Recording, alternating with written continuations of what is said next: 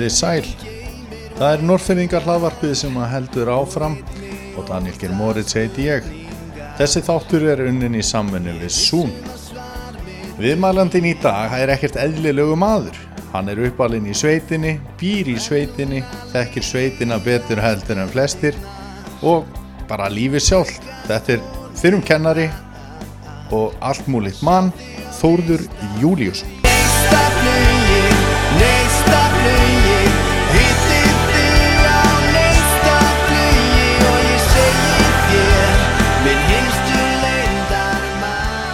Sagði Dótti og, og, og velkomin í Norrfyrringar hlaðvarpið. Þakka þér fyrir Þannig er eiginlega svolítið fyndið að vera mættur heim til annars og, og, og bjóða einhvern velkomin.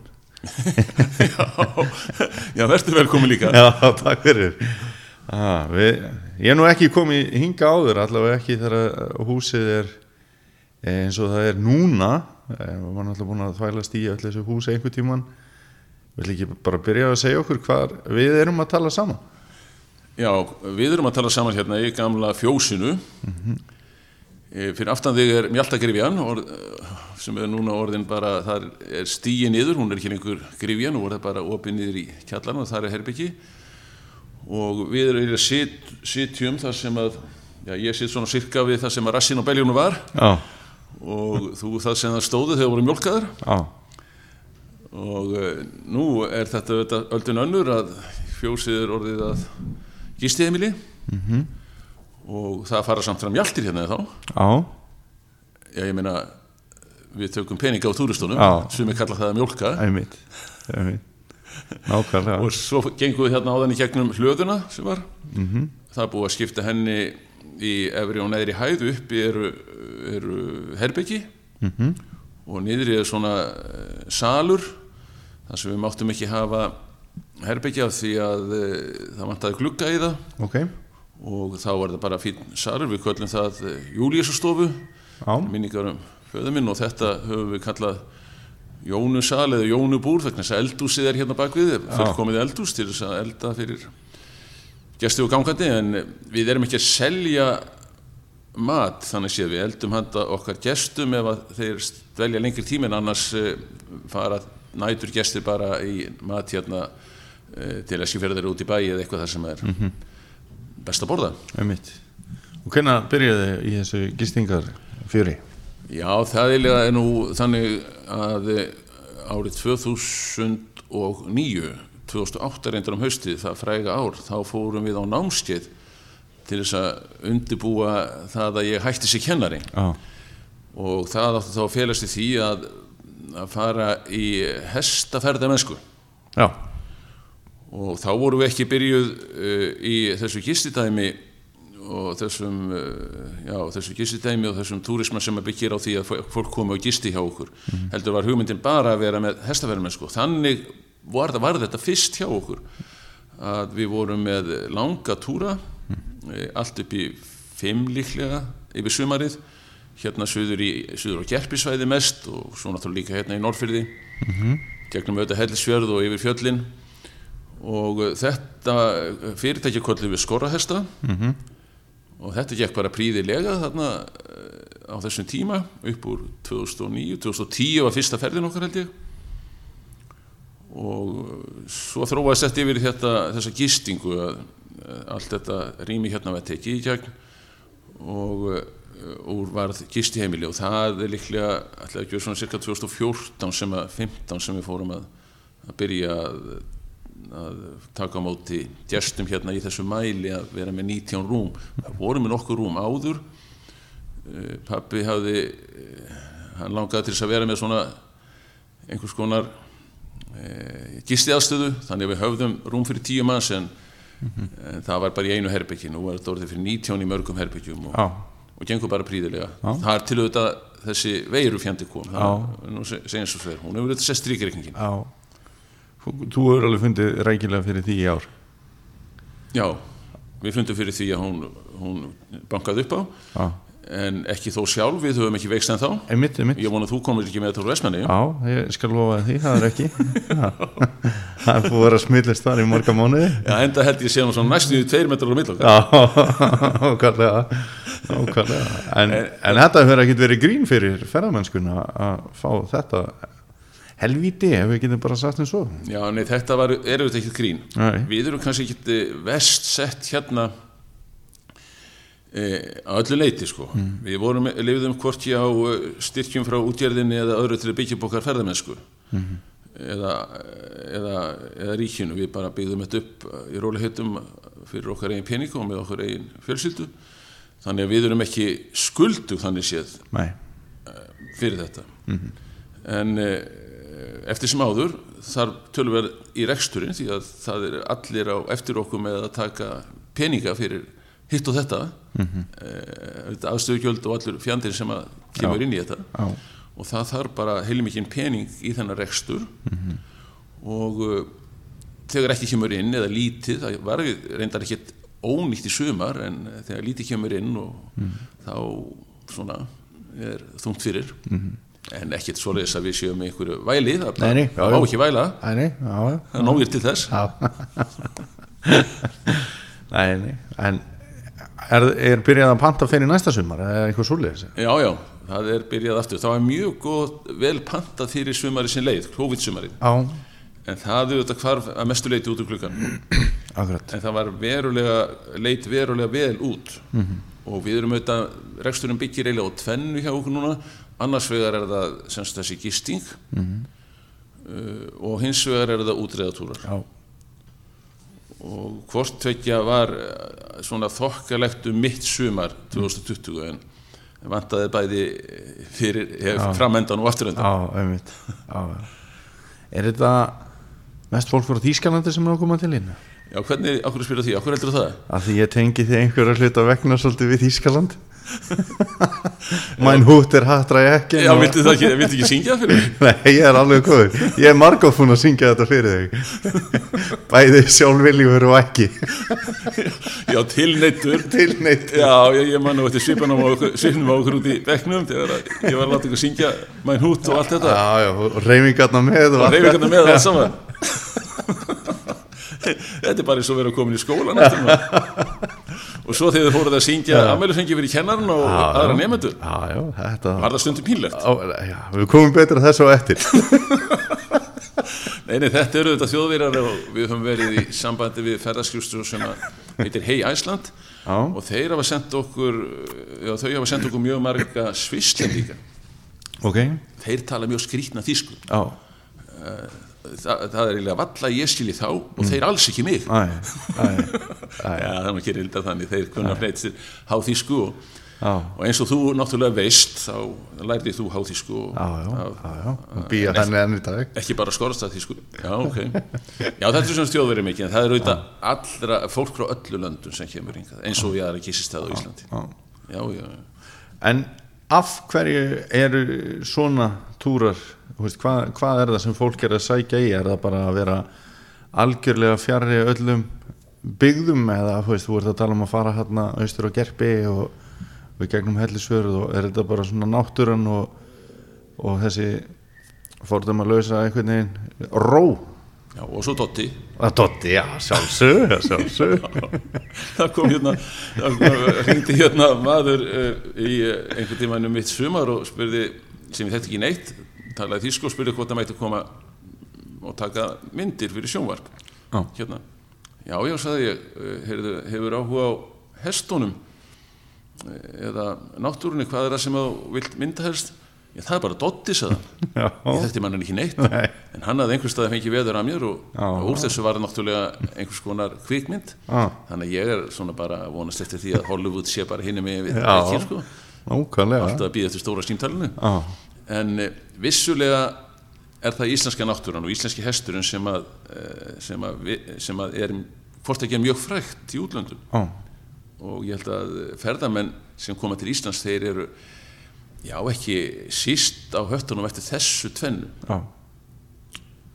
Og sérstaklega þeir sem kom hingað. En við erum ekki lengur að bjóða eða erum ekki með gest í þessa löngu túra lengur. Þetta er allt saman bara eh, klukkutíma, tveggja tíma túrar uh, jável svona nokkura klukkutíma túrar hérna innan fjörðar Já, löngu ok. túrarnir er eiginlega alveg uh, dotnir upp fyrir. Já, þegar eftir að gengið hækkaði þarna miðjan áratvíði núna þá var þetta bara svo dýrt. Að við vorum eiginlega ekki samkjöpishæf við þá sem að gáttu sótt bara fólkið til Keflavíkur þeir sem þurftu að kaupa innanlandsflug og koma hingað þeir voru einfallega e, að kaupa dýrari túr já En var þá fólk bara gist í tjöldum og, og þetta voru nokkra daga túrar eða Já, lengri túrar? það- lengur túrarnir voru sex daga túrar Já, gistu já. bæði hér heima og svo voru þrýr, þrýr dagar sem að fór í það að fara hérna söður og gerpisvæði Já.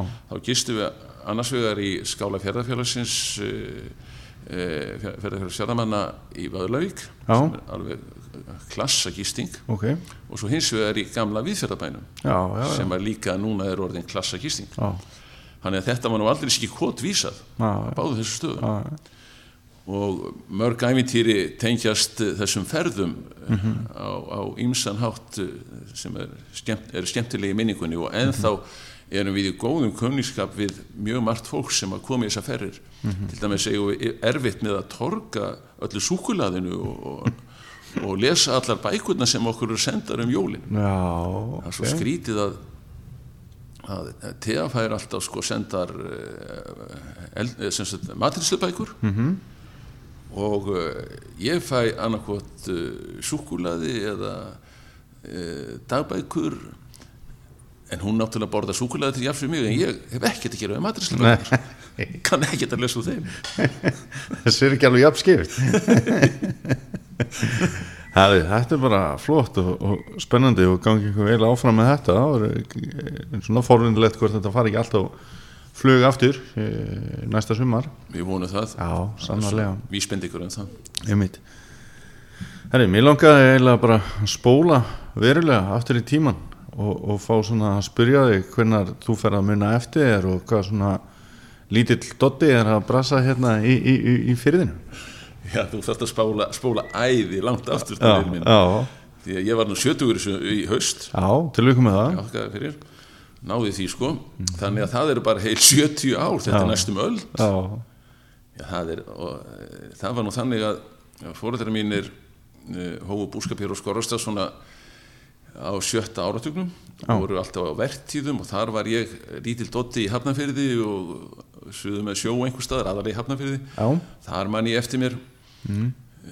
en svona um 56, 7, 57 byggjaðu nýbíli hérna út úr Skorrastað e, þeirra af og ömmu.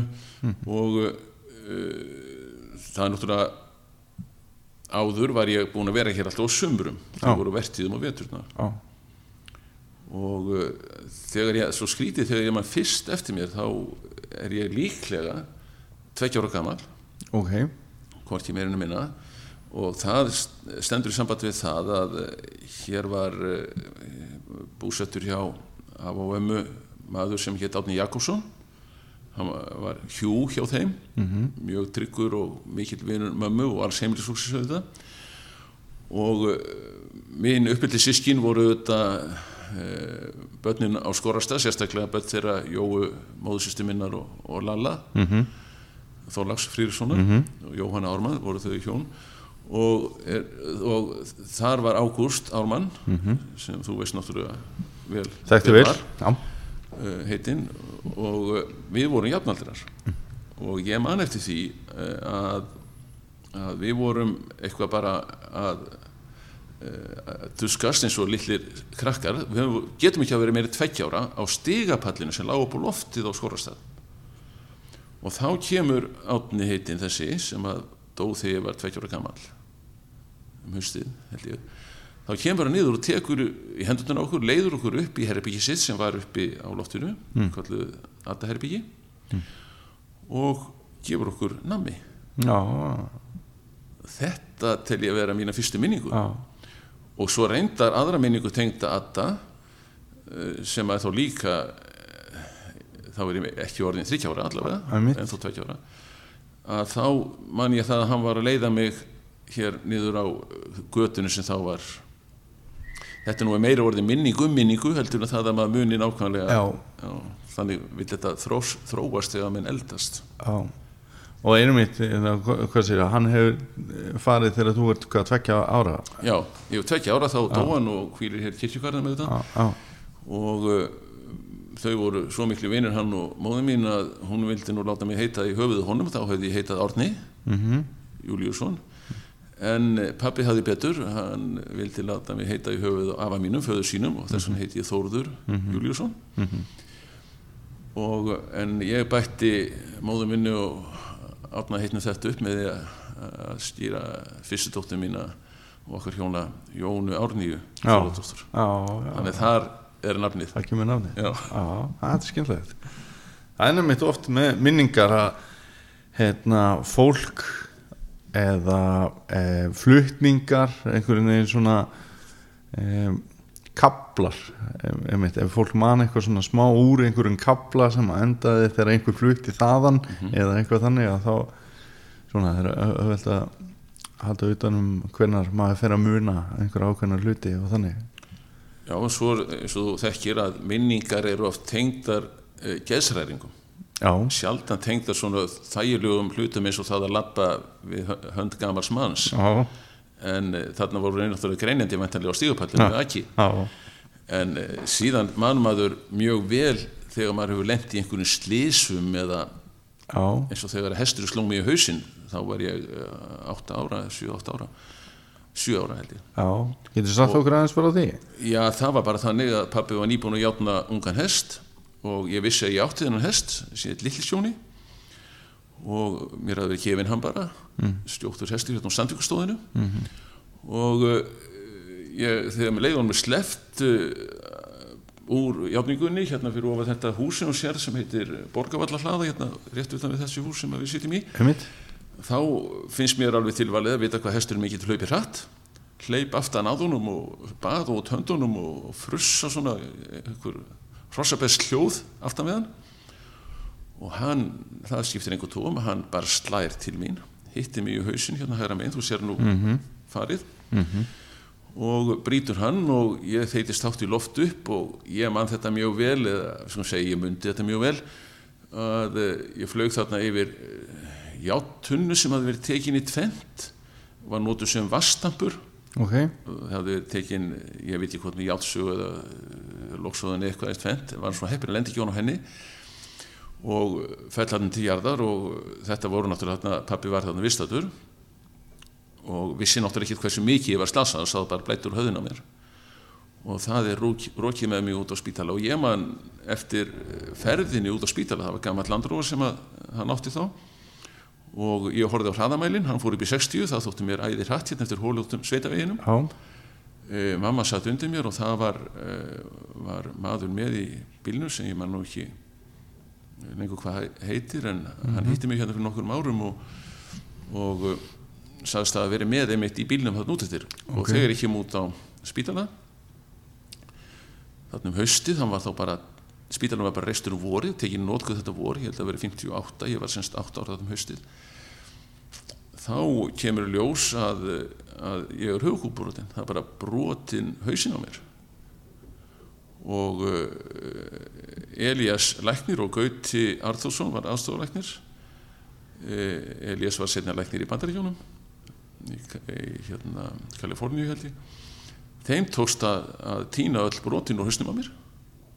Uh, og var ekki þórað að svæfa mig. Og uh, það blætti ekkit inn á heilan þó að brotin væri eins og nálar sögðu þeir já, eins og heinar og það var gat inn í hausinn, svona fingurgómstórt gat ekki eins og mínu fingurgómar veit ég, ég gerir fyrir, ég veit það ekki. Já, já, og höfukúpabrotin og síðan ég var náttúrulega gríðarlega mikil hár þessu tíma og uh, já, sagði hann þegar að þetta gat fyllist nú og svo þarf hann ekki hætt hann þarf nú ekki eiga það á hættu hann sagði Elias að þetta er eftir sjást nokkuð tíma með allt þetta hár hvar nú hárið mjög snemma. Þannig að, að þess, þess, þessi þessar menjar um þetta högg frá litla sjóna það Já. eru mjög ábyrjandi á og ég var að krakka gætna við í þessum því að mikið um börn sem koma á hesta, hestana hjá okkur Já. og er þá í kringum hestana þá var ég þau við með því að sína þeim með gati í hausnum um mitt, þannig að það er svona þetta er ekki alveg hættulust að, að vera á hesti. Nei, og í kringum hesta nei, heldur betur ekki og, og það er nú kannski hefði orðið einhver hætt á að þú erir eitthvað skrítin við þetta en þú er nú alveg sloppið við það. Nei, sko það er reyndar ekki.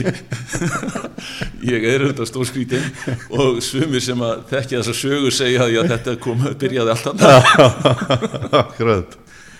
En mannstu eftir að hafa fundið lengi til í höfðinu og fundið fyrir þessu og Já, já, ég, þarna þetta haust þá var ég í skóla út á Kirkjumel og, uh, og ég gekk, uh, gæti ekki gengið á, á ylinni sem sagt, það það hafði eitthvað skattast þannig, ég gæti ekki gengið, gekk alltaf á, á jæðrakkanu sem kallar Já. á sem sagt, hliðinu á fætinu, einmitt. Öðru megin, ég man ekki hvort það var minnstri hægri. Og svo náttúrulega var ég svo hrættur yfir datt einhvers tíman eh, því að hann sagði það við mér Elías sko, þú mátt ekki detta, þú mátt ekki fara óvarlega það er ekki gott og þetta satt svo í mér að, að ég, ef ég fjall bara á gólfi þá greini ég alveg svo grís. Já, og það gerist líka í skólanum út á kirkjumjöl og, og þá bar kennara mig inn í stofu og, og þar var hlúðað mér. Já. Voru logandi hrættur eftir þetta? Logandi hrættur fyrst og eftir. Eðlilega bara. Já, og reyndar enn þann dag í dag ef ég rek mig eitthvað í á þessu svæði þá er ég hrættur en, það er nú komið bein í þetta held ég þannig að þetta er ekki eins kannski ekki stert og þetta hefur trúlega hitt á besta stað eh, svona ofum við gagnugað það var sagt að hefði ég fengið þetta framan á ennið og svona þá þetta að vera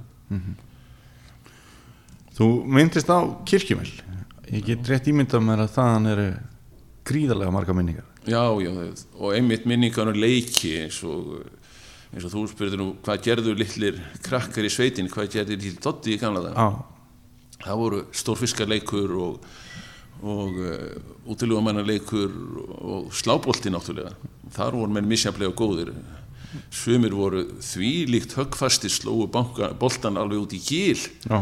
Eins og Jón Þjór frændi minn á onstuðum hann var örfendur og sló þvílíkt langa bolta. Það, þá fórum við alltaf langt í burtu til þess að geta eiga möguleika að grípa þá bolta já, já. Þannig að það var eh, verulega gaman að vera krakki í, skóla. já. En var það til leikinni hérna heima fyrir þá skiptust eða þeir, að því þú spurður nú þá áðan sko, þeir voru eiginlega e, svolítið mikið ástíðabundir já. og að sjálfsögðu tengdir e, atvinnu starfseminni sem að var náttúrulega búskapur. -hmm.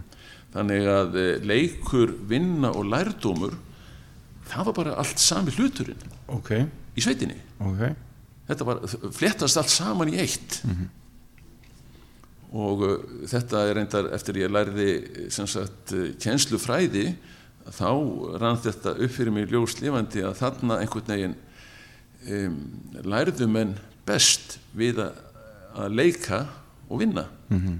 og það eru til frægar greinar og frægir e, e, frægt fólk í kjenslufræðum sem að byggði alla sína kenningar í mitt á þessu. Já, þetta er reynda týðkað í skólum í dag að sjálfsögðu að, að læra í gegnum leik já, og vinnu. En e, þegar ég tala um ástíðabundna leiki þá tengdust þeir náttúrulega bara eh, sveita tilverunni já, líklega það verið höstuðun og líka það sem útgjör var, við byggum náttúrulega ekki beint við sjóin, við vorum bara í sveitinni. E, nú erum við á þeim tíma nú er í dag eh, hvað, 15. nei, það er mm. 14. desember í dag. Það, það er rétt að koma fengitími. Já, og fengitími í sveitinni það var viðburður.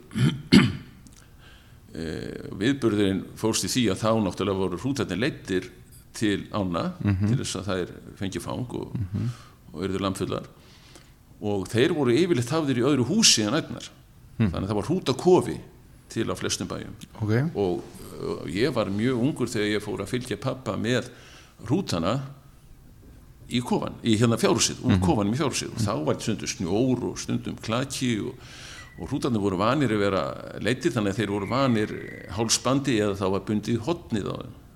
Kannski bóra gati gegnum hotnið á þeim og, og þar var hægt að krækja í spotta.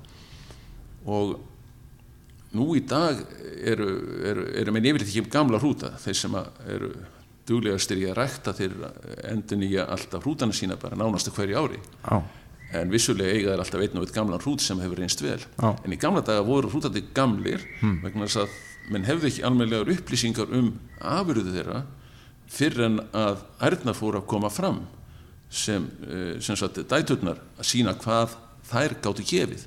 En núna fáum við þetta alls saman í bókum og í gegnum tölvuna Já. því að hrútanir eru notaður út um all land sem að koma á sæðingarstofunum þannig að við getum vita þetta bara löngu, löngu fyrr. Já. og uh, ég man bara eina af þessum æskuminningum er svo að, að ég er að teima annan hrútin, annan fullóðan hrútin pappi teimir hinn á undan, hérna upp á þennan stað þar sem við erum núna, því hér stóð fjárhúsið hans, höðabrekkhúsið, nákvæmlega hér þar sem við sitjum, nefnum bara miklu herrabú í þessum hóli stolti mikið niður. Og hrúturinn rennir sér á mig og stanga mig um koll. Já, ok. og ég náttúrulega greinjaði þá líka. Já. meiti mikið mikið en, en þetta var heil mikið áfall. Svo var bara farið í fjárhúsin og þetta var uh, viðbyrður ánum haldið og farið svo með hrútana tilbaka. Núna er hrútana bara sleft í krætnar einn hrútur hefur kannski 10 róllur, 20 róllur, 30 róllur eða eitthvað svo bara og svo hafa minn engar ágjur af því þannig bara, þeir bara gera sitt gang Já. þarna var þetta allt saman öðru vísi maður þekkti róllunar mjög miklu betur og uh, með allt með nöfnu náttúrulega eins og víða er enn þetta í dag. Nú uh, var þetta fleiri vetraleiki heldur en uh, sem að tengdust kannski ekki vinnu voru náttúrulega snjóleikirnir. Það er að sé mm, grafa snjóhús byggja snjókalla renna sér á sleðum hérna er náttúrulega alveg ekta uh, umhverfi kringu skorrastað fyrir fyrir sleðaferða. Heldur betur. heldur betur. Hólar, gamlu marbakkatir hérna eru bara alveg passlegir fyrir þessa sleðalegi stundum var náttúrulega betra sleðifæri en eh, í ein, einn tíma en annan. Já. og menn flugu hérna niður brekkurnar ja, sérstaklega þegar færi var gott. Já. nú heyrur reyndar hljóðin hérna hinum yfir veginn Já. Það er ekki vist að heyrist í. Já. þetta er fjárhúsið er nefnilega bara hérna hinum yfir veginn á þessu, þessu sal sem við sitjum í. Já, já, já. Og þeir eru ennþá með dýr? Já, já, við erum ennþá með kindur það er hluti á túrismennum að erum með kindur en það er ekki er ég náttúrulega rollikall út í fingugóma en uh, sleðarnir sem er endur sér á voru gjarnar smíðar af hæglagsmönnum út í bæ eins og Bjarnæði Tungu og fleirum en stundum voru bara keftir ég man nú ekki fleiri um nöfn af þessum mönnum sem smíðu þessa sleða. Já. þeir komu, voru gjarnar út í bæ sem ég kalla út í Neskustad sem nú, nú heitir. Og en pabbi einhvern tíma þá átti ég ekki sleða og hvernig sem það var hvort það var ekki til bara nema pabbi fór bara upp í bílskur og smíðaði sleða. Og ég mani því að hann tók uh, bara uh, svona staur eins og gyrðingastaur klauf hann í tvent og hjó eitthvað af honum og þannig mynduðist meðarnir á sleðanum og, refti svo yfir bara með spýtum negldi þær ofan á og farði svo út með sleðansaðan og rendi þér. Og ég fór út í brekku og ætlaði að renna mér á sleðanum en hann rann nánast ekki neitt miklu verð heldur en sleðarnir sem að hinni krakkarnir voru á og, og voru, voru keftir mm. því þeir voru með játni neðan mm svo að hafa farið með sleðan aftur inn í bæ inn í hérna e, bílskúr og, og þar voru sett, var sett undir hana girði neilt undir hana girði en það var ekki slett, ég man það það var svona í bylgjum og svo fór ég út og þá kom ég ljósa að þessi sleði mann rann miklu hraðar en hinni sleðati Já, ok. einhvern veginn hafa bylgjurnar valdi því að í harfinninu sérstaklega að það var minni mótstaða Já. og hann var það eftir, sem, eftir allt saman besti sleði Gamli hefur vitað hvað hann var að gera sko. ég veit það ekki, ekki þegar að sendi mig út með hann bara á trémiðunum Já. En svo verið skíðasliðarnir líka svo var verið á skautum á tjörnunum hérna niður frá. Mhm. ég var aldrei góður á skautum. Næ, og var líka alltaf hrættu við þetta. Já, hluta til lúrð, lúrð í mér held ég þessi þetta hestaspark hérna um en eh, svo voru líka innileikir á veturna. Mhm. og uh, það náttúrulega eftir haust komu jól og það mætti kannski að því jólun eru rétt á næsta leiti það mætti Já. kannski orða það í tengslum við uh, leiku vinna lærdómur að, að hérna sem ég var með áðan að, að uh, kindurnar fengu alltaf besta hegið á jólunum já, það þótti bara, það þótti mér alveg rosalega gaman og notaleg tilfinning Mhm. þegar að besta taðan var valin úr stappanum já, til þess að gefa kindunum á jólunum Já. þá fórum við að rána þær inn já, til þess að taka upp gjafinnar Já. Og gjafirnar þegar ég var krakki eftir að við byrjuðum all snemma að lesa krakkarnir hérna uh, á Skorastað og víðar náttúrulega í sveitinu og bænum auðvitað. Og gjafirnar voru bara bækur. Þetta voru í 15 bækur sem við fengum jólugjöf Já, ok. það voru bókaflokkar eins og æmintýra bækurnar, fimm bækurnar, Bob Moran Haukur flugkappi eða hvað þetta hérna var saman, átna bækurnar og svo fekk maður alltaf inn í þessa flokka nýjar og nýjar bækur. Og eh, nú sem sagt leikfeng voru ekki gefin. Bækur, nema í mjög litlu mæli.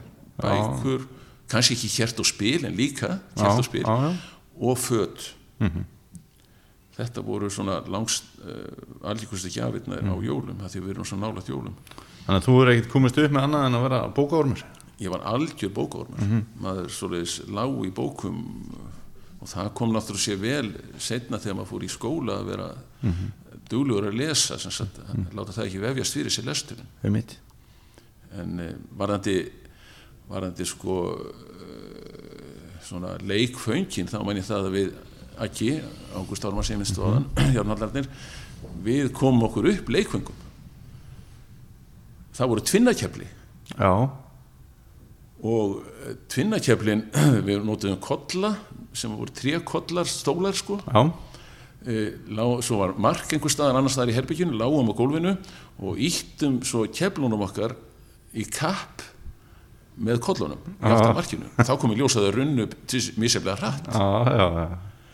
og í staðin fyrir bílana sem er kaupa núna í búðum og endast kannski eh, út jólin þá endast þessi kefli okkur bara jól eftir jól og fengur nafn og, og, og bílasortir og sumir voru við lýsar og aðri voru landar og erar og nefndi það bara. Það þarf ekki alltaf að vera lókið þetta var ekki flókið. En maður er einhvern veginn með svona þessa ímynd af jólum sérstaklega þá í, í sveitum á, á þessum tíma að þetta hefur verið svona mikil svona sjálfþurft eða veist, fólk er svona vinna mikið að því að undirbúa jól sem er náttúrulega eitthvað allt annað en við þekkjum í dag þar sem að jólin er undirbúin með búðaferð Já, jú, jú, það var örglega spennandi að fara í búðir á jólum og uh, áramótum líka, mm getur sagt frá einu atviki tengdu áramótum að það kemur inn upp í huga núna. Búðaferðir voru ekki endilega hættu lausar Nei, ég lendi í mest í tveimur búðaferðum eftir annar þeirra mann ég en eftir, ekki eftir hinni eða allavega mjög lítið. Fyrir búðaferðin var nú reyndar í Hafnarferði ok. Eh, þá eh, var það reist upp hurð, eh, útihurð í búðinni, er mér sagt. Og ég er eitthvað að fykta, tók aðeins í hurðinu og hún var þá svo tæp stóð svo tæft upp, þung útihurð að hún fellur niður og, og ég verð undir henni. Já, ok og það sem bjargaði mér þar var að, að hausinn á mér var aðeins tinnri heldur snerillinn á hurðinni. Annars hefði ég nú ekki verið hér til að tala við Nei. hinn búðaferðin var út í bakkabúð hjá Björsa bakka. Já, og það hefur vilja verið tengt áramótum allavega kannski öskudegi, ég segi það ekki að það, ég var að kaupa grímu. Og ég var með tvær krónur til að kaupa, að því hún kostaði túkall og í einhverju óráði fer ég að vöðla annari krónunu upp í mér. Svo endar með því hún stendur í mér ég gleip hana og fer bara þessum í kokið og ég get ekki andað. Já, og eftir þessu man ég mjög vel. Já og fólk tekur eftir þessu þarna og uh, mamma byrjar að hljóða Guð mig góð þetta stendur í barninu ringið í lækni. Og uh, það fyrir einhver í búðinni uh, að, að hérna kannski að reyna það en í því, í því kemur kona og bróðurinnar inn í búðina. Þessi kona gett Fanny og var kend við stjörnuna sem var hús í hérna út í bæ. Og það skiptir einhver tögum að meðan að annar fólk í búðinni meðal landsmóði mín voru bara ekki með á nótunum hvað ættist að gera eða ekki á því augnablik allavega Já, þá skipur hann bróður sinum að taka í fætna á mér. Ég held ég að verið 7, 8, 9 ára mm. allavega mjög ungur.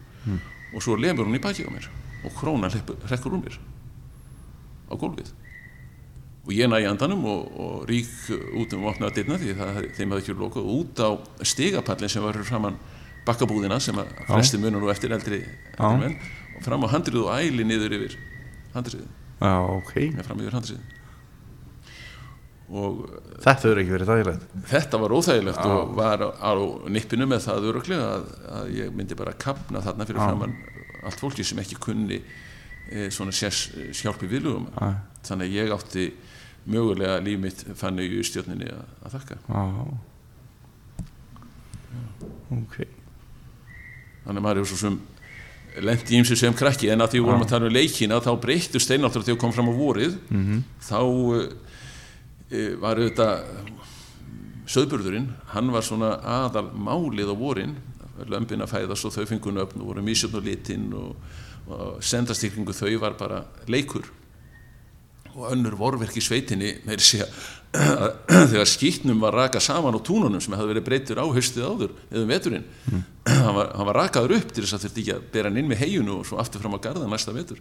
Þá voru við eh, rak, rakað fullunafólkið og við krakkarnir sópuðum skýtnum í póka þurrum skýtnum sem sagt, var þurr skýtur og svo var hann borin í hauga dregin í haugangstöður utan við túnið. Þetta var líka leikur. Já. og hvað þá þegar að heiskapur komið sumarið að þá stóð maður framan á, á ítunni sem að ítti görðunum saman í, í beðjur sem kallaði voru. Og svo var þetta var alveg rosalega gaman en ekki náttúrulega alveg hættu laus maður hefði getað lent með löppina fram yfir ítutönnina sem var framan á traktornum bara tré íta afskaplega fortfónleg Já og orðið það er undir með löppinu og fútbrotna og eitthvað svoleiðis, það gerist nú aldrei. Þetta var nú það mikil varkárni hérna okkar heimili að menn, menn stálist til að gera þetta. Þetta var ekki, Æ, menn voru rekni burtu. Já, og svo í hlöðinum að þegar verið var að heia að þá ólátustu við í hlöðinu þannig var hlaðan á skorrastæði fjósinu á skorrastæði hjá Ava og þeim e, pappa og Lalla sem að byggu með og náttúrulega mömmu og Jóu líka því að þær náttúrulega voru bæði í mjölk, mjölka, mjöltaríinu og heiskapnum og öllu alveg eins og hverjir aðrir að það var brú í hlöðunni. Það var kert inn í hlöðuna með heið annarkoð dreigið á vagni eða mögulega dreigið bara beint inn í hlöðuna á brúnni og svo voru velt út af brúnni og svo gem, í gegnum hlöðuna og út hinnum einn og tvö stór vindugur sem traktorum komst í gegnum en þá þurfti náttúrulega að laga þetta heit til. Þetta mátti ekki vera svona í, festum beðjum. Þá voru ekki komin inn súþurkum fyrst til að byrja með. Og við krakkarnir vorum þá notur þess og þetta var um leið leikur og vinna að, að tæta hegi til og dreifa því um hlöðinu undir brúna og náttúrulega um allt. Og þá var strákur í sveit hérna sem heit Halli Halli Braga frá Eskifyrði mm. og hann var svona dálítið eldri en við og hann átti að vera þarna laga til og einhvern tíma koma kallarnir eh, með nýtt hlass inn á brúna og þá er bara ekki búið að laga til. Og þeir skamma Halla hvað er þetta ekki búin að laga til, segja þeir. Þá segir Halli þessa frægu setningu sem var notað sem setning á skorastæðum ára tuga skeið þegar eitthvað gekk ekki eins og hefði átt að ganga. Hann sagði þetta já en strákarnir komu þá voru við litlu pjakkanir sem að komum og eðurlaðu fyrir honum vinnuna við að taka, við að taka til og þetta var meira leikur úr þessu. Já strákarnir komu. Já, alltaf einhver tröflun En hvernig var það Dótti með hérna, við fyrir aðeins hérna, með kirkjumel líka? Veist, þetta er náttúrulega sveita skóli uh, þú býr nú kannski að skorastæður en nær heldur en margir aðrir bæir kirkjumel uh, fórstu gangandi alltaf í skóla eða hvernig, hvernig var það og, og bara svona hvernig var þessi sveita skóli það, við fórum næstum alltaf gangað í skólan Já. ég man eftir einu sinni þá var sofið yfir sig á skórastað það gerðist bara ekki einhvern veginn þá var ég var nú setn í skólan og við krakkarnir líklega eh, þessi elstu krakkar hafa verið þarna Aki og kannski og Nonni líka. Og þ- þá keirir pappa okkur útir Já, og þetta var svo mikið neysa að þegar við komum inn í skólastofuna til uh, Haldáns kennara þá var ég bara tárvotur yfir því að mæta og seint. Já, þetta var bara algjörlega bara skömm. bara algjör skömm. Já, ég veit ekki, þetta er kannski þannig enn í dag hjá litlum krökkum eða koma og seint að ég held að sé samt ekki svona. Nei, hann var ekkit vegna að hann var eitthvað strángur og skamb okkur Nei. þetta var bara sem komu jafnaði bara- geði. já, menn bara komu á réttum tíma. Já, en hann var náttúrulega eini kennarinn Háldan Já, á þeim tíma. En uh, það náttúrulega var bæði plus, plusar og mínusar við það. Að einhver leiti komum við betur undirbúin í, í næsta skólastig. uh, var þetta ímsa þættin að einhver leiti verð líka vegna þess að það var ekki hægt að kenna í bekkjum hann kendi efri og neðri eh, yngri og eldri deild sem það var kallað já, þá voru allir í eldri deildinni saman halva mánuð og svo kom yngri deildin og var í halva mánuð og henni voru heima þá bara í halva mánuð milli. Já, já, já, þetta var, svona var nánast öll mín skóla að ganga hérna við, á kirkjumælum já. og þess vegna kom ég til dæmis algjörlega ótalandi á, á, á dönsku sem var aðri krakka voru byrjuð að læra já, já, þegar ég kom í já. og það var svona, en á kannski á móti var ég undir, betur undirbúin mögulega í íslensku og okkur öðru. En ég var samt sem áður eh, ekki duglegur nefandi í barnaskóla. E, nei það bara hugurinn var meira í í skepnunum og því öllu saman. Já, og þegar ég kom heim svo með einhvern þá uh, var ég aðtilstöður af fóröldur mínum og ég sagði að það nefndi kannski einhvern sem var fyrir neðan mig, já þú ert ánaður eða þú ert ekki neðstur. Og þá greinir ég yfir því. Svo ég kom síðan í Eyða á fyrsta árinu, það var allt annar bragur, þar vorum við náttúrulega í bekkjum. Já, og þá var ég á herbyggi með Fía í miðbæ, fríðjóni en uh, Jón Þór frendi og ekki frendi voru saman í herbyggi og svo voru þær hérna líka Inga Mæg og Dóra þannig að við vorum, fjö, vorum sex hérna bara úr miðsveitinni sem fórum í eða á svipuðum tíma. Inga Mæg einu ára undan held ég. Og e, þegar maður kom í, að, komið að var fram á vor þarna þá uppbóst eitthvað sem að var venjulega farið að tala um á eðum hver skildi nú verða efstur í bekknum? Og þá kom mér uh, sem að var ekki pælingin á kirkjumel Nei, sem var ekki pælingur í Kirkjumel uh, og, uh, og ég þekkti þetta bara ekki og hafði ekki þá samfæringu á minni námskjötu að ég ætti nokkuð möguleika. Þess vegna kom ég þá óvart þegar að vera að vera að segja að mig Dótti, þú verður efstur í bekknum. Sem ég var nú reyndir ekki, ég var í Já, en þá var allt í hennu komin þarna einhver allt annar allt annar bragur á námið að, að þú hafðir að einhverja keppa. Já. Einmitt. Er þetta, er þetta svona gaggó ár?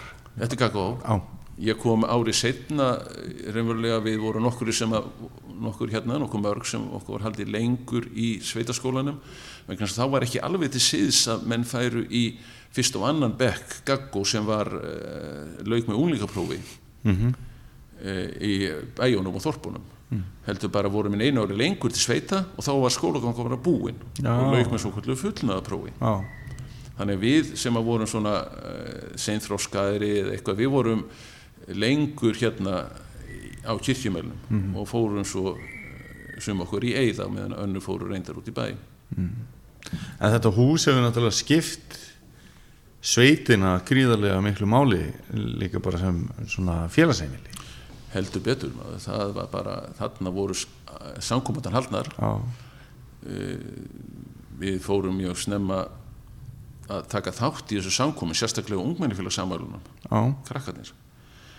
Og uh, til þess að komast á ungmennifélagsafmæli þá þurftur eiginlega að vera fermdur. Já, og uh, það er til saga af því að, að einn uh, hérna í sveitinni sem að sagði við fóreldrar sína ég, nú fer ég ungmennifélagsafmælið nei það getur ekki sagði sögðu fóreldrar það er ekki búið að ferma þig.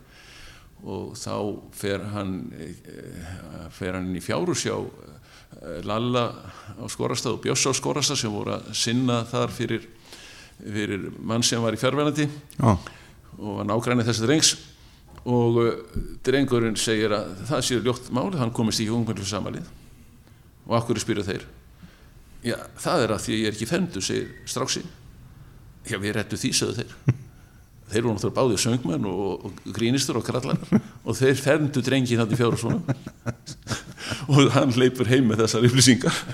Og svo stóð fadir hans á tröppunum þegar þeir löpuðu fram hjá heimalið út á skorastað og er þið vittlausur, er þið búin að gera drengin vittlausur fyrir mér, fannst ykkur ekki nógu vittlaus fyrir?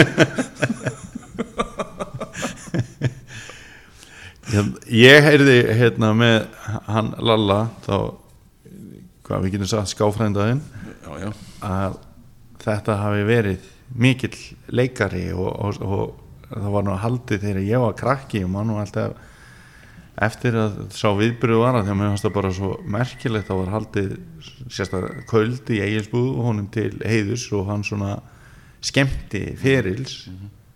Var þetta svona stjarnan í sveitinni Já, Lalli var náttúrulega bara náttúru talent algjör hann var náttúrulega einstaklega söngerskur uh, virkilega flinkur hljóðfærarleikari á harmonikku og sérstaklega. Og svo hafði hann þessa framkomu sem heillaði þegar hann kom på svið eða heillaði alla. Þú kannski mannst ekki eftir húnum eins og aðrir á sem sko forsöngvara á mm. e, þorrablótum og annað. Um en að bara þá bara og syngjandi gamavísur Já, það fór bara allt á flug. Já, það bara rettaði heilu blótunum já, hvað hann var skemmtilegur á sviði sem söngstjóri og, og gamavístsöngurinn og slíkt. Já, það var ekkert að rýsi já. hann hafði þessa hæfileika bara. En var, var mikið um leiklist í sveitinni? Og var, Það var- voru, þið að setja upp leikrit í kirkjumil og svoleiðis? betur og þar hann Lalli við sögu líka. Og reyndar annars allir sveitamenn. Og þar var miðstöðin var auðvitað kirkjumilur -hmm. og uh, þessi leiklist þetta hétt uh, leikfélag uh, eða þetta var sett upp á, af ungmennfélaginu og ég leik nú aldrei með því en bæði fórhaldar mínir báði fórhaldar mínir leiku þar og, og fólk bara úr sveitinni hérna nánast meira eða minna allir. Er þá að minna bara Egil Rauði? Já, Egill Rauði. Hann var með þetta leikfélag og það var farið á aðra staði Eskifjörð og Fálksfjörð og, og með leikritið. Já, og uh, þetta voru leikritið svo spænsk flugan og það voru yfirleitt æsla leikir já, og þar var Lalli auðvitað alltaf í aðalhutur Já. ég mæntir pappi leik síslumann eða hreppstjóra því hann hafði háa rödd og við fórum auðvitað að horfa á þessi leikrit. Mm. og uh, uh, það voru sem sagt uh, einhvern tímann á Eskifyrði þá er þar uppfærsla og einhver sena sem að uh, var þannig að, að einn leikarinn sem ekki bara mikið á hér. Títtimæjar var leikinn af uh, Stefáni Þólasinu Hófi eh, mamma leik persónuna Emmu minni mig og svo Lalli aðal hlutverkið. Að þau voru held ég þrjú á sviðinu. Og eh, steppi sest í bekk. Og um leið á hann sestur í bekkin og snýr fram, að, að áhörundum þá byrja áhörundur að hlæja. Og hlæja og hlæja og hlæja og þeir náttúrulega færa spáðir í aukana þennan hlátur eh, leikararnir að öll líklega, mamma líka, leika sem aldrei fyrr. En þegar að steppi kemur út þá dvína nú hláturinn smám saman og, og fólkið er með ekkasóum hafði fram í, í salnum að þá tekur einhver eftir því að steppum ofna buksnaklöfun og skýrtu hornir hafði kækst út úr buksnaklöfun þannig að ekki þurfti nú meira til þess að, að, að svona ná hápunkti í leikritinu heldur, heldur þetta. Og svo orti Tryggvi Vilmedusson um Já. þetta uh, á Þorrablóti, fyrir Þorrablótið og Lalli söng þetta já, eh, hver rödd var æst og hás því allar störruðu opnu munn og opin rennilás mann ég þessa settinga mann ég eftir úr, úr vísunni. Já, já, Eh, það var um það hvað var mikið leið já, þannig að leiklistin var þarna líka og, og þar auðvitað nutu sín allir þó að Lalli væri alltaf í aðal hlutverki já. Ég hef nú farið á einhverjar skemmtanir í kirkjumil ég var svo heppin að fara á Sveitablót uh, held nú reyndan bara eitt uh, í, í kirkjumil og pappi tók, tók okkur eh, inn eftir. Hann, hann hefur nú alltaf verið með einhver svona tau hérna út í sveitindar á jólaball já, og svo var, svo hepp, var ég svo heppinn að hérna, þegar ég er orðin úrlingur að Haldón og Begga þau hafa samband við mig og spyrja hvort ég þekki kannski einhvern jólasvein sem getur komið þarna á jólaballi á krökkunum og það vildi svo til að ég þekkti vel einn sem, sem að gata á mætt og, og það var mjög gaman að hérna, að svona taka þátt í þessu með þeim það er indislegt fólk að koma þarna til og, og hérna mann finnst svo til skríti að ég get ímyndað mér að það sé ennþá skrítnara fyrir þig og ykkur úr sveitinni sem mann alltaf eigi alltaf þessa sögu með þessu húsi að nú er þetta bara til sölu eins og hvert á hús og náttúrulega búið að hafa lítið sem ekkert hlutverk í, langan tíma. Já, já, þetta auðvitað breyttist alls saman þegar að pappi voru ótriti hérna og svo hrersnett byggði veglega við þetta hús og því hefur þetta ekki verið sómi síndur þannig séð í viðhaldi og öðru slíku. Og, en eh, hefur ekki fengið hlutverk. Einhvern veginn hefur mönnum ekki tekist að eh, bæjarstjórninni kannski haft að metna fyrir því að fá því hlutverk. Já, og líklega færi það ekki hlutverk en það er, ég veit ekki hvort við höfum að segja að það sé einhver, einhver hérna sárindi hjá okkur sveitamönnum eða það færi ekki hlutverk eh, en þarna væru auðvitað möguleikar og menn eiga góða minningar þarna. Þetta voru jólitris nefnd sem held jólaballið alltaf. -hmm. það var auðvitað haldið þarna. Og uh, þegar ég mann fyrst eftir mér þá uh, léku þetta Lalli Jólasveinin og Já. 11 voru gamall þá var ég hans aðstóðar Jólasveinin fyrsta skipti. Já, og uh, þá söng ég, ég af þessum æfagamlu köllum með úvisjegg og bí á reygin fjöllum. Og alltaf hefur ég forða spigðu bólinn nema svona rétt uh, þegar að fyrir að nálgast hátíð þá leiti ég mig, sjá mig hérna niður frá um eitthvað svoleiðis. já, já, já, og svo gleymdi ég næstu vísu já, það er að það þótti mér skammarlegt. Og þá myndi Lalli mér náttúrulega á og, og þá söng ég hana líka. Þannig að þannig byrjaði minn jólasennaferill hjá honum og ég hef lært mest af honum hvað varðar allt eh, það sem, litla sem ég hef fengist eða komið nálega leiklist í verkmyndaskólanum og svona já, uh, norður og aðkvörir í smávegis. Já, það hefur meirið að minna verið sótt í uh, minn, mína fyrirmynd sem að var já. uh, á þessu leiti En þetta er náttúrulega ekki eina félagsheimilið í fyrðinu sem að verðist vera ákveðið og við sem að finna meina, við getum bara hort í eigisbú líka. Meina, það er, nú eru bara félagsstarfseminn hún er bara gjör breytt hún er bara komin inn á heimilin já, fyrir framan sjónvarskjána já, já, það er ekkert öðruvísi. Já, nei, nei, það er slemt að skul ekki finnast hlutverk fyrir þetta uh, hús en, en þannig er þetta bara. Já, og menn bara það koma bara nýjir tímar nýjir fólki. Upplifið þú ríg á milli sveitarinnar og, og, og bæjarins? alls ekki lengur Nei, en þegar þú ert krakki Já, því ég krakki við, það var ekki rígur.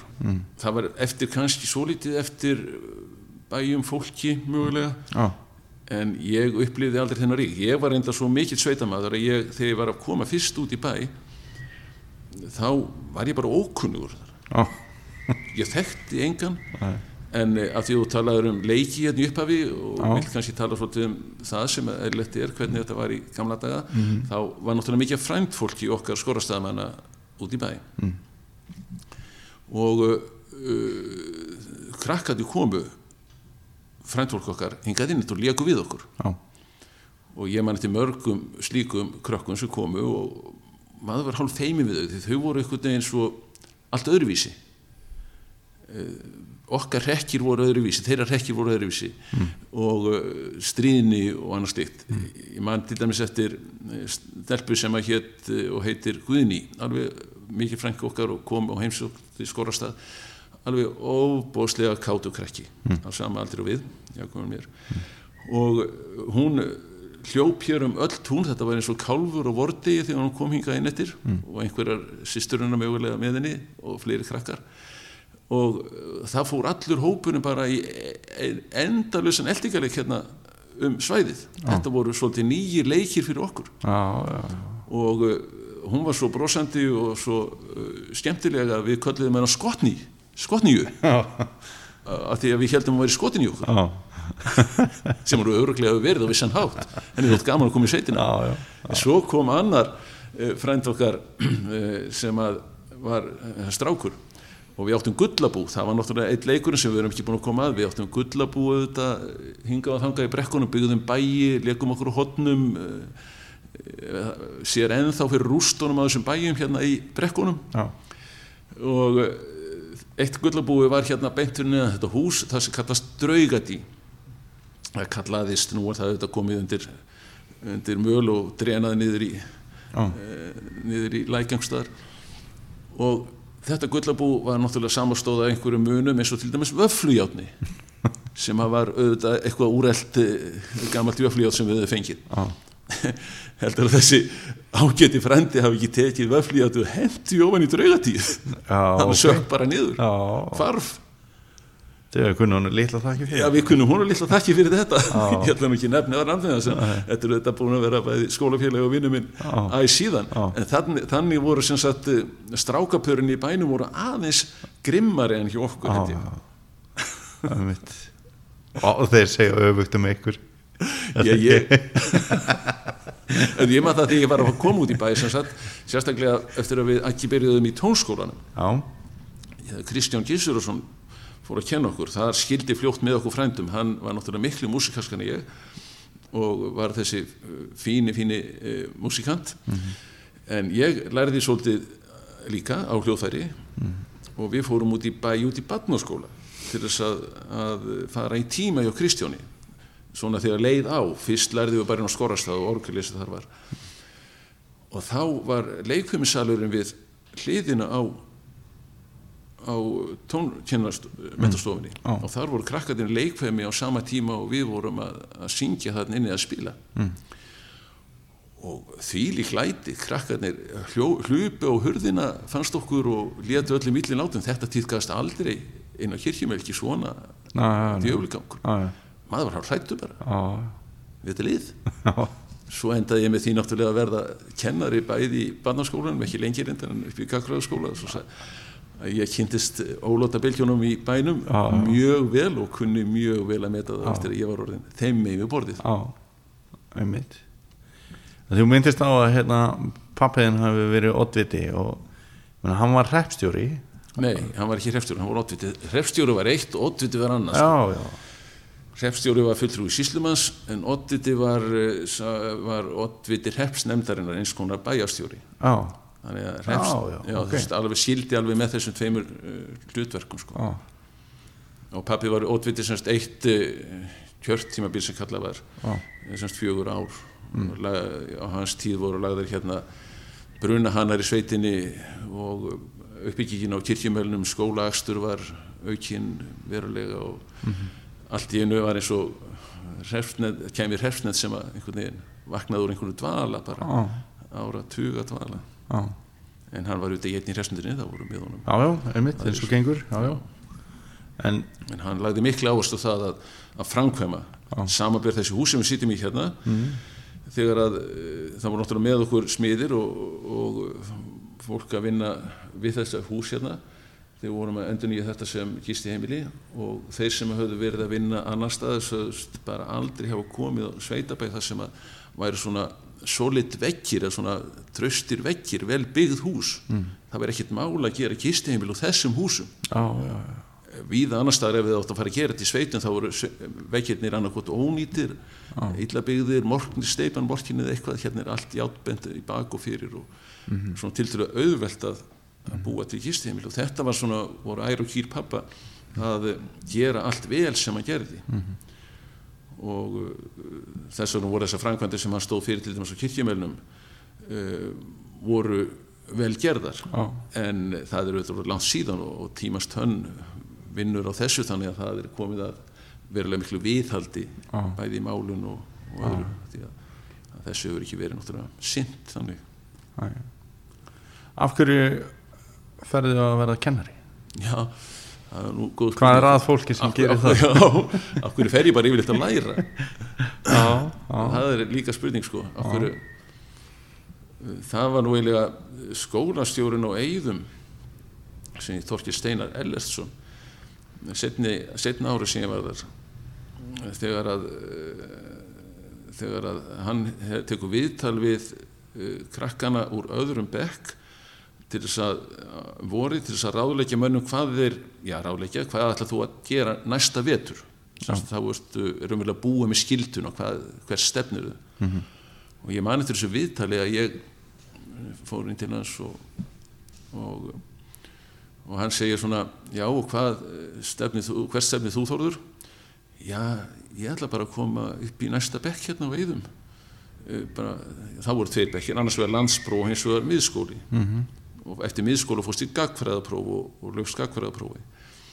Og ég sagði, já ég fyrir bara í miðskólan og svo gagfræðaprófi, nei, ég sagði þú átt að fara í landspróf. Nú, segi ég. Já, já, svo innritaði mig í landspróf á Eidum en eh, ég endaði í landsprófi hérna á Norrfyrði Mm.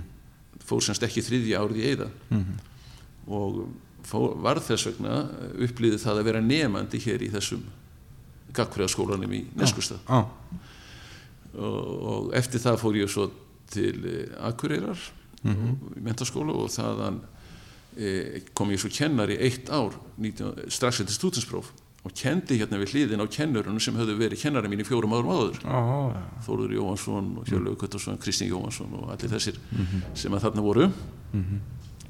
Þannig að ég kenni hérna eitt ár og uh, bara vegna þess að ég tók mér eiginlega frí og sótt um að vera kennari og svona þetta ár langaði bara að taka frí og þar hef ég líklega fengið þessara, þessara kennara veiki. Já. þetta ár. Það er nú saga af því að það hefði nefandi skila rítgerð til Þórðar Jóhanssonar sem hafa hans rugglast og skrifaði kennari Þórður Júliusson Já. og þá krótaði hann yfir þetta og skrifaði móðgun. Það til líka til önnur saga úr þessum landsprófsdeildi þá kendi ég mér sér landsprófsdeild þannig að fjórum ára síðar. Ah, að þar var uh, stúlka sem að ef hún hlustar átt að vita þá veit hún hver hún er um hver ég er að tala. Að hún saðist einu sinni að hafa skilað uh, ég kendi sem starffræði þá í landsprófi og, og, uh, og hún skilaði eitthvað mjög lélugu prófi og færað tilbaka hafði skilað vísu líka með í prófinu og hún fekk 0 út úr prófinu fekk, fekk fyrir starfræðina en fekk þrjá hjá mér fyrir vísuna. Já, ok. Og hún var setna kennari og er held ég að að best veit ennþá kennari þessi stúlka Já, já. þessi kona. Og hún hefur rifjað þetta upp stundu þegar við hittumst. Að ég sitt hafa gefið henni þrjá þó hann hafi ekki svara, skrifa nei, svara neinu dæmi rétt. Nei, þannig að maður leiði sér ímest þessi kennari. Já og hún sýnir þarna ákveðna færni og, og hún sýnir ákveðna færni sé, sé ekki þannig að ég var að meta það þarna og ég veit að náttúrulega ég gerði margt eh, rámt sem eh, kennari, maður átt að sjá því en ég vona ég hef gert eitthvað rétt. Já, allavega til hún að ég hef gert þetta rétt. Já. Það er líka til hérna önnur saga sem tengist hér og, og nafnaðinum. Já, til margar sögur sem tengjast mér á náttúrulega Já, það er hérna þegar þú kemur með einu sinni sem oftar Nesti í skólan nesti vel útilóti nesti. Viltu segja, segja þessa sög? Já, já, ég skal segja þessu. Við nafnið minn, hann var náttúrulega skólastjóri minn þegar ég var nefandi í landsprófi Mhm. og ég var skítrættur því ég kom inn á skólastjórastofuna til hans þá Ok. við þennan mann. Já, og uh, svo kenda mér líka ensku. Já, og uh, ég var líka skítrættu þá. Uh, maður var yfirleitt trættu við þennan kall sem nefandi já, þó gerða mann ekki nokkuð skapaða hlutum að kenna manni. Já. en hann var svona þungur á bárinu svo var þetta allt annað maður sem ég kynnist honum þegar ég fer að kenna með honum. Léttur á bárinu og kom stundum inn úr tíma og sjalli hlæjandi og segir já nú voruðu hrætt greikin. Ég hugstuðu lærinu fyrir næsta tíma sagði Þórður nafni minn. Svo kom ég átti ég næsta tíma á eftir. Þá voru þau öll í sjokki ennþá. Við erum og þannig var hann rekkjóttur að, að e, þetta nestistæmi að þeir voru náttúrulega aldrei með nesti hínu kennarnir ímist fóruðin og heimdi sín eða bara konuðu þeirra smurðu ekki handaðin brauðstíðar og, og tóku til slátur eins og mín konu gerði, ég veit það ekki. já. eða þeir voru bara ekki svangir. Já, En hvað allavega þá uh, þegar ég fyrir að borða nesti mitt þarna í uh, líklega uh, um hátiðspil -hmm. opna dallin þá skil ég ekki þetta það, í því að upp úr dallinu koma bara einhverju miðar. Sumi kringlóttur og sumi ferkantaðir. En svona kupslaga og ég velti þessu fyrir mér þarna fram og tilbaka í gömlu kennarastofunni og tek ekki eftir neinu í umhverjus mig það til að, að ég heyri nú einhver tísta af hlátri sko. Þá hafði hann tekið, þetta var í árdaga ljósutunarvélina, hann hafði tekið allar slátursniðarnar og samlokurnar og bröðsniðarnar og þetta báði megin, kliftað út og settað í bóksið fyrir næstu. En er það rétt að hann hafi svo bara borðað nesti sjálfur? ég held að það sé ekki rétt. En nei, það getur vel verið að, að það hafi verið já. en svo, ég ætla nú ekki að segja frá glettónu sem að ég náttúrulega svaraði fyrir mig, það var náttúrulega alveg á hreinu.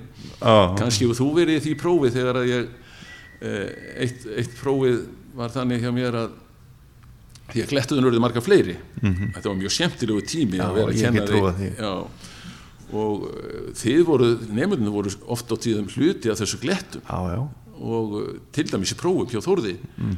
þá ljósið þetta mikið kannski mann settir ljósið til prófunum hans því að um, það, þó voru oft æði skemmtileg og spaugileg Mhm.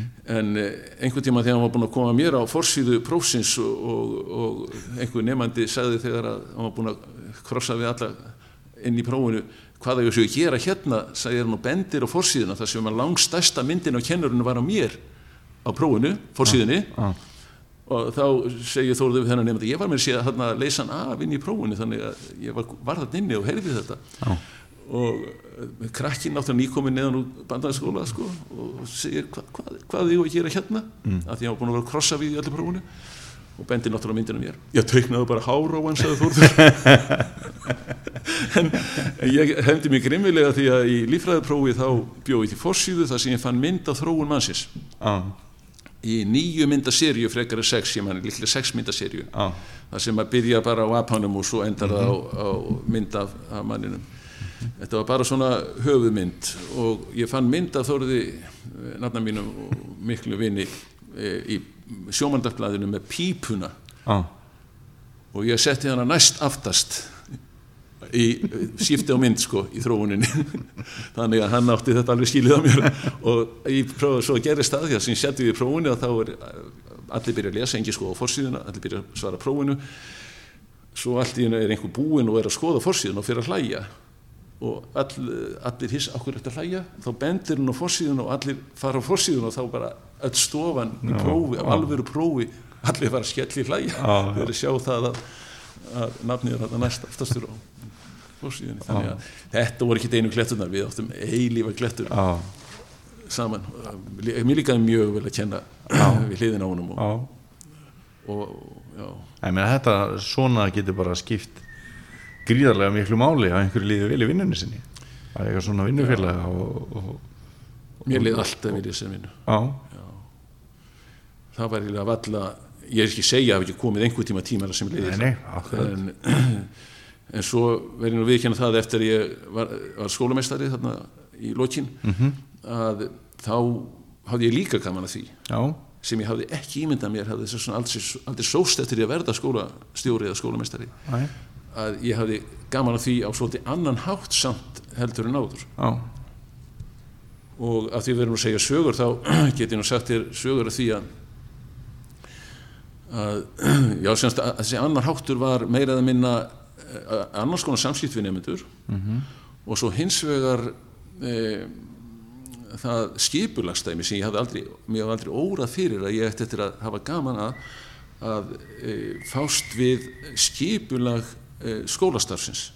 Og þá er ég að tala um hver, hver stefnir skólinn til dæmis í, í uh, verkmentinni.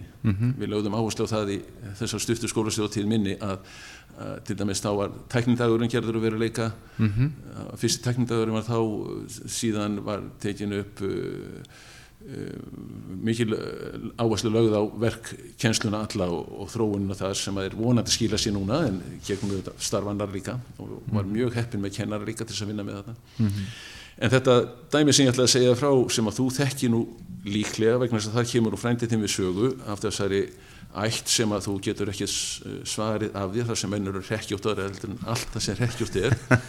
Og Már Sveinsson rifjaði upp í svona þætti um fórmóðuðin eina. Já, já, og ég kynntist ykkur náttúrulega og, og, og þekki alveg innviðina í, í höfðinum og ykkur hver, já. hvar, hvaðan þið hafið rekkina já, já, og, og það var þannig að þá fóru menn í menningaferðir sem að ég veit ekki hvort það er farið í en þá. Já, oft í Reykjavík og oft í Akureyrar. Já, þá var formaður uh, nefndaráðsins í okkur uh, Páll nokkur Jónsson, frendiðinn -hmm.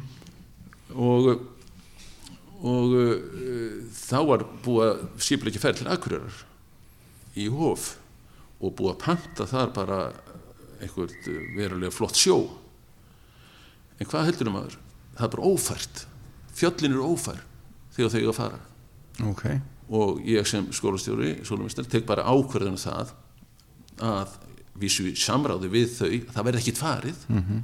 það sé ekki hægt. Nei, það fyrir enginn eins og þeir gerðu Óli og, og Grímur og Blaðgrútonum mókuðu sig gegn, það var ekki bóði þarna. Nei. nei, nei, þannig það var bara ekki farið. Já, og eftir þessa ákvörðin þá náttúrulega eh, hefur sjóst Palli hringt norður og, og uh, látið vita. Svo sagði ég sitt inn á skólamestarstofu og fær þá þetta símtal. Þetta er hérna uh, Hlinur Þórðarsson í, á Hofi í Akureyri. Er það rétt og með bystir öllu sagt að, að, að, að, þær rútur séu ekki að koma hingað á, í Hof að eiga þó pantað vegna að þessu ófært? Já, já, segi ég, það er auðvitað rétt. Það er ekki þetta að komast á það norður því miður, bara, við býðum bara afsökunar því að þetta verður ekki af þessu. Og þá verður þessi maður bara virkilega vondur og segir að við verðum bara að borga þetta þetta, er bara, þetta er bara tap fyrir okkur við hefum getað selta sem í það og verður bara vondur á já. símanum og ég stend mína plikt og segi þetta bara þetta bara skiptir einhver máli, við komumst ekki norður og við borgum ekki neitt, þetta bara er eh, bara afleiðing af því að, að ófærðin er og þið hljótið að vera með e, skilja það að svona við komum bara til ykkar setna og borgum þá. Og það humbar eitthvað í honum og hann skellir á mig. Það líða af alla sko tíu sekundur þegar Páll Jónsson kemur með all liðið hlaupandi inn á skælbrósandi inn á skrifstofu skólamistara með allt liðið úr nefndaráðinu og þau öll í krampa köstum að, hlátri þá var það hann sem var, var að fýbla með þetta på skónum. En ég hefndi mín á honum. Já, já, ég gerði það. Já, því að ég ringdi heim til hans. Já, og mamma hans hulda svaraði.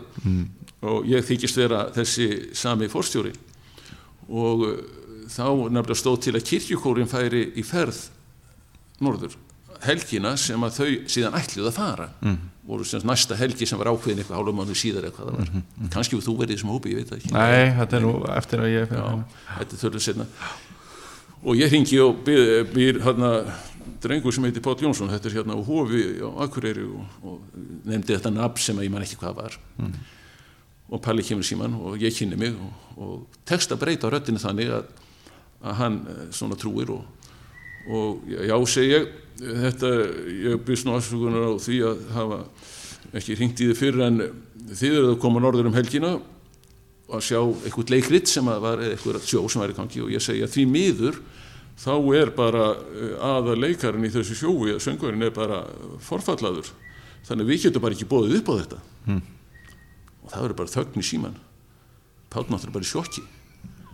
Ferðin ónýtt og, og, og hvað eða eitthvað svolítið segir hann? Já við náttúrulega höfum bara eitthvað annað til að bjóða ykkur upp á. Og, og já eins og hvað sagði hann? Já það kemur hérna kirkjukún Norrfjörðar mamma síkur kirkjúnum og ég líka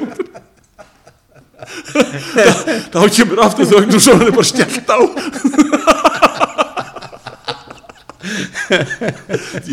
þá var ég ánað að Já, ég ekki trúa því sko.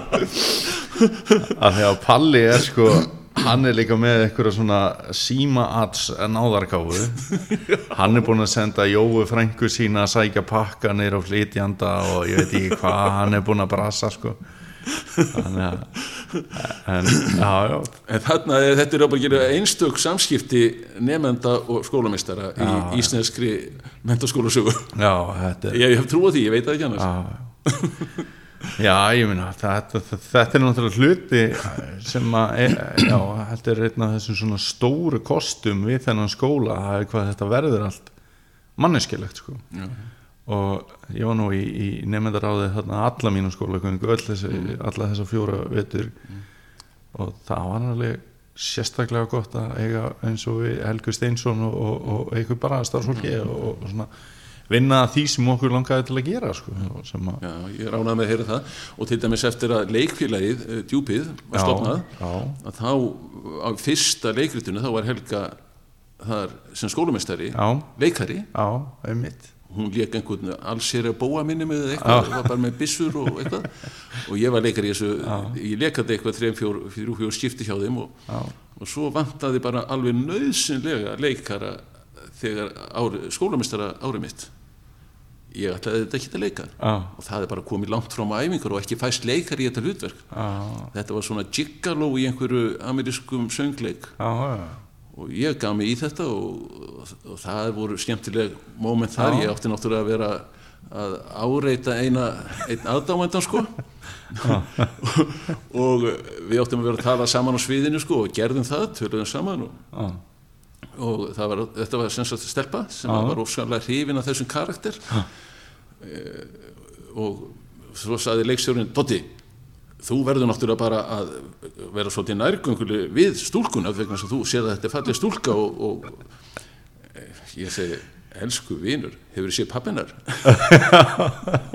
þannig slapp ég með þetta.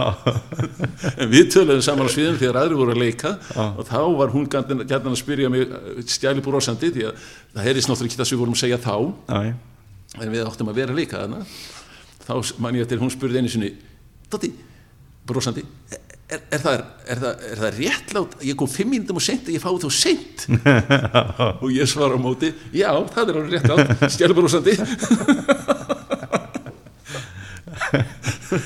þetta er dásanlega minningar. En að því að hérna, minnist á kirkjukórin ég meina þú ert nú búin að vera í kirkjukórnum mjög lengi. Já, mjög lengi. Já. og er það ekki bara er það ekki eitthvað sem hefur gefið helling yfir öll þessi ár? Jú, jú, jú, vissulega, ég er bara gaman að syngja. Já, og ég var náttúrulega í 24 Emma-félögum í mennskólanum Akureyri sem var eh, stjórnaði Sigurður Demis Fransinni sem stofnaði síðan söngskóla, fræðingar söngskóla fyrir sunnan. Ok. Og var alveg uh, rosalega flottur stjórnandi. Og svo þegar ég kem ykkur á austu bara þá strax 75 Mm. uh, þegar ég er búin í háskólanum þá uh, doblar frendi, Ágúst Ármann frendi mig í kórin í bassan þar fyrir voru nokkurir gamli kallar. Mm. ekki eins gamlir og ég er núna. Nei. og ég er ennþá í kórnum. Auðvitað urðu þeir já gamlir og ég. Já, já. en 75 voru þeir bara svona kannski um 60 eldgamli kallar þá þegar ég var 25 ára. Já, og þeir voru skemmtilegir. Og ég lærði mikið af þeim. Þrýr þeirra voru Eiki á Kvíabóli Frissi Hátúni og Guðni Nöstakvæmi og sunga allir bassa með mér. Og ég var svo hissa á því þegar ég kom hann og byrjaði að æfa með þið þó að ég verið svolítið vanur í kór hvað þeir kunnu gjörsanlega alla bassa.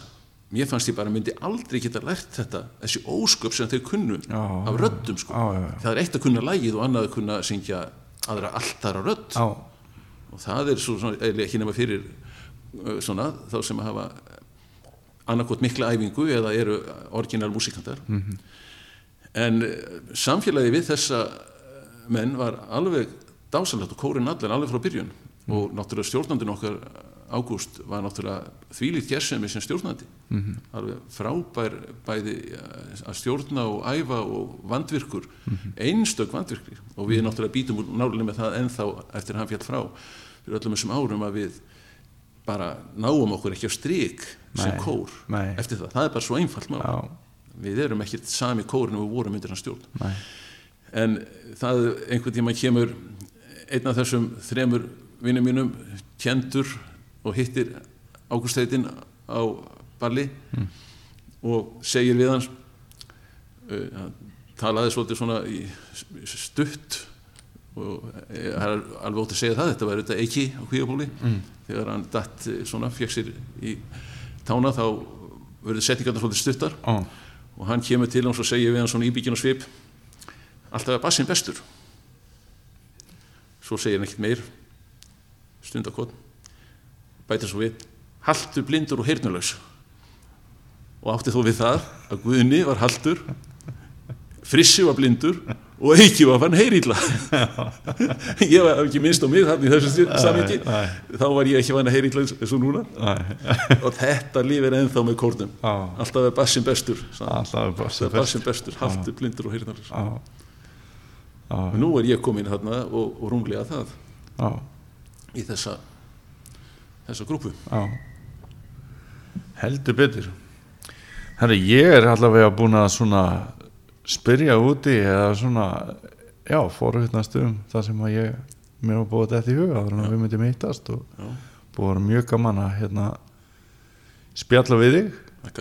Og ekki að hafa þetta bara að henda þetta með minningum um kórin eða ekki bara Um kirkjúkúrin Jú, ég myndi hérna vilja syngja fyrir þig bassa í einu lægi en eigum við ekki að sleppa því? Nei, láttu að það En það er samt hérna, eitt er svona á öllu gamni sleftið þú getur náð alveg svakalega djúft Það er ekki rétt um ég, Það er ég að minna bara svona staka Einhver tón. ofur, ofurbassi ah, Nei, ég er það nú ekki held ég. En uh, ég er svona kannski í dýpir kantinum en, Já. já, já. en á sama, tí sama tíma er ég náttúrulega ekki mjög hátt. Og það er oft í, í kórnum að, að ég sýnist þeirra að syngja háutúnuna en ég er ekki að syngja það Þá er Bubbi og fullu eða Já, hvernig já, það? Var Bibi og Jónþór og, og Tóti komnir bara með þetta allt saman á hreint. Og, og ég er ekkert að taka þetta. Nei, Nei, nei, ég held að við ættum að sleppa þessu söngdæmi. Ég held að það fari ekkert vel á því en, en, en hérna, ég þakka bara kærlega fyrir að heimsækja mig. Já. Og uh, mér þykir miður ef ég hef kannski talað á hratt en það var bara svo margt sem við þurftum að koma að. Og ég vona að þú fengið eitthvað að tala líka og spyrja réttra spurninga en ég bara þetta rifir upp gamla takta þegar þú var snemandi minn. Já, heldur betur, þetta er bara það, nú var það þú sem spurður og Já, ég sem var að já. sagði Það hlýtur nú líka að vera meðmæli að þú kendur mér í þannig tíma og maður vill koma og hitta þig. Sko, ég væri alveg til í að já, Já, og, öfut kannski Já, líka já, heyrðu, ég alveg, væri alveg til í það að syngja fyrir smávegis ef þú tækir he-hó á þýsku Á, herri, þá skulum við bara ljúka þessu Spandum við ekki nann Já, Herri, Dóti, takk hérlega fyrir. Sumulegist, bless